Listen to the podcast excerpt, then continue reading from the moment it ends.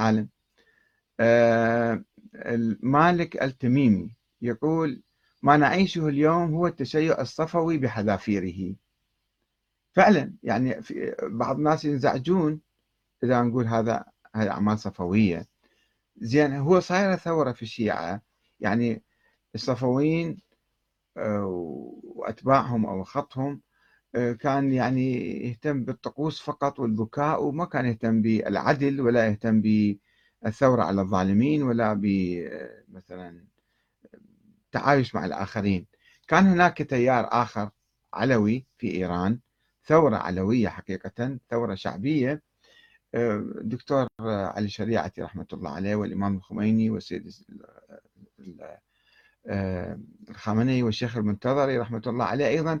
هؤلاء جميعا يعني كان عندهم خط آه، وسيد البرجردي المرجع الكبير اللي كان توفى سنة 1960 هذا أيضا كان وحدوي وأرسل إلى إلى القاهرة آه، يعني وفود و يعني مؤسسة للحوار والتفاهم مع الأزهر لتوحيد المسلمين. كان عنده فكر وحدوي. فهناك خط وحدوي في المرجعية وفي الشيعة وخط ثوري وخط يبحث عن العدالة وعن جوهر مذهب أهل البيت. وفي نفس الوقت كان هناك أيضا خط صفوي. مرة هذا يصعد مرة هذا ينزل وهكذا. فالمهم إحنا المهم أن نكون نبحث عن جوهر مذهب أهل البيت ونروح آه، يعني نترك الطقوس الفارغة المسيئة والمضرة بنا. والمسيئة إلى وخاصة يعني واحد يستفترض يريد يتذكر وفاة فاطمة الزهراء ويحزن. أو مو مشكلة. بس ليش تقول ليش تجيب أساطير في القصة؟ ليش تضخم القصة؟ أنه استشهدت صارت شهيدة. ولأنها قتلت وعصروا صدرها وسقطوا جنينها وسووا كذا. هذه كلها أكاذيب. ما لا ما لا صحة. فخلينا نتوقف عند حدود حب أهل البيت. ما حد ما يقول لك لا. روح بأهل البيت وسوي اللي تريده. بس لا تخلق مشكلة مع الآخرين لا تخلق مشكلة من كذب. إذا كان فعلا صدق عمر كان قاتل الزهراء أنا أول ناس كنت آه، أندد بذلك وأستنكر. ولكن هذا الشيء ما حدث. وشوية واحد يفكر بالتاريخ الإمام علي قاعد صافن بالبيت يشكل دليل؟ هذا بطل الشجاع اللي اللي ماكو أحد مثله. يقعد يشوف مخلي مرته تروح تفتح الباب. شوية خلوه بعقلكم يعني. وبعدين يزوج بنته أم كلثوم إلى عمر. شلون إذا عمر قتل الزهراء؟ شلون أم كلثوم آه، يعني آه، تقبل أن تنام ويا واحد عدوها وقاتل أمها مثلا؟ فهذا كذب. هذا يثبت أنه القصة كلها مختلقة وكذب. وما كان يجرأ عمر أن يقوم بذلك. ال... ال...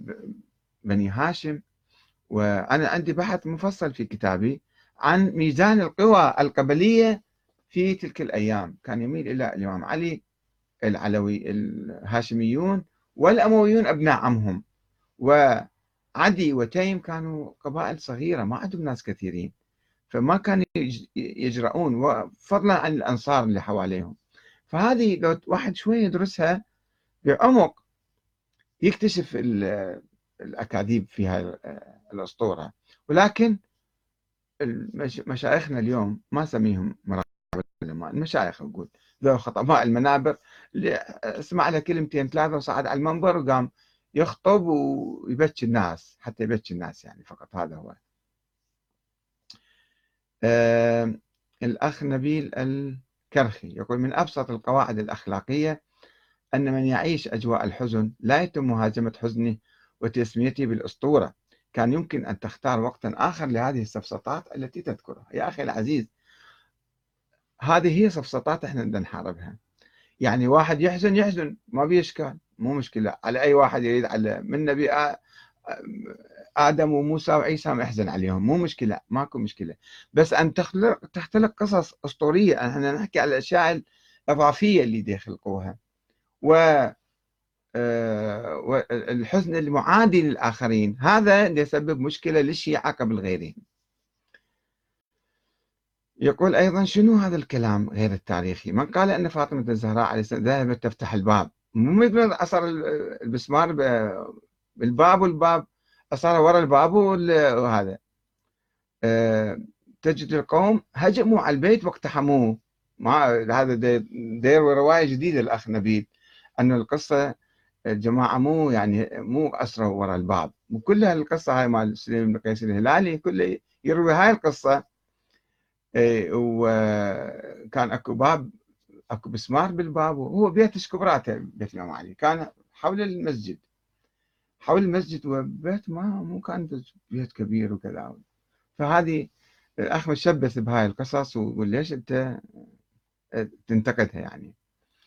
آه، أبو العز المسلمي يقول حتى السيد محمد حسين فضل الله رد هذا الكلام. آه، طبعا السيد محمد حسين فضل الله قال أنا هذه ما تخش بعقلي. شلون يهجمون على الامام علي قاعد بالبيت وكذا؟ هاي قصة ما تخش بعقلي. فجماعة هاجموه. هاجموه طبعا هم هاجموه. يعني آه، يعني يعني في ناس آخرين كتبوا أنا كتبت ما حد ما هاجمني على القصة بس نرجع السيد آه، محمد حسين فضل الله لأنه كان ينافسهم على المرجعية فاستخدموها ورقة لتسقيطه. وإلا هم أي واحد يكتب كذا ما يهتمون في الموضوع. فيسقطوه حتى يسقطون مرجعيته. هذا هو الهدف. ما رأيك في خطبة الزهراء؟ زيد الخياط. ما له مصدر يا أخي العزيز ما له راوي. ما لها سند ناس مؤلفيها بعدين ونسبوها لفاطمه الزهراء وسووا بها حكايات وقصص. أصلا لا خطبت ولا هم يحزنون. موسى آه، آه، شاسب شنين يقول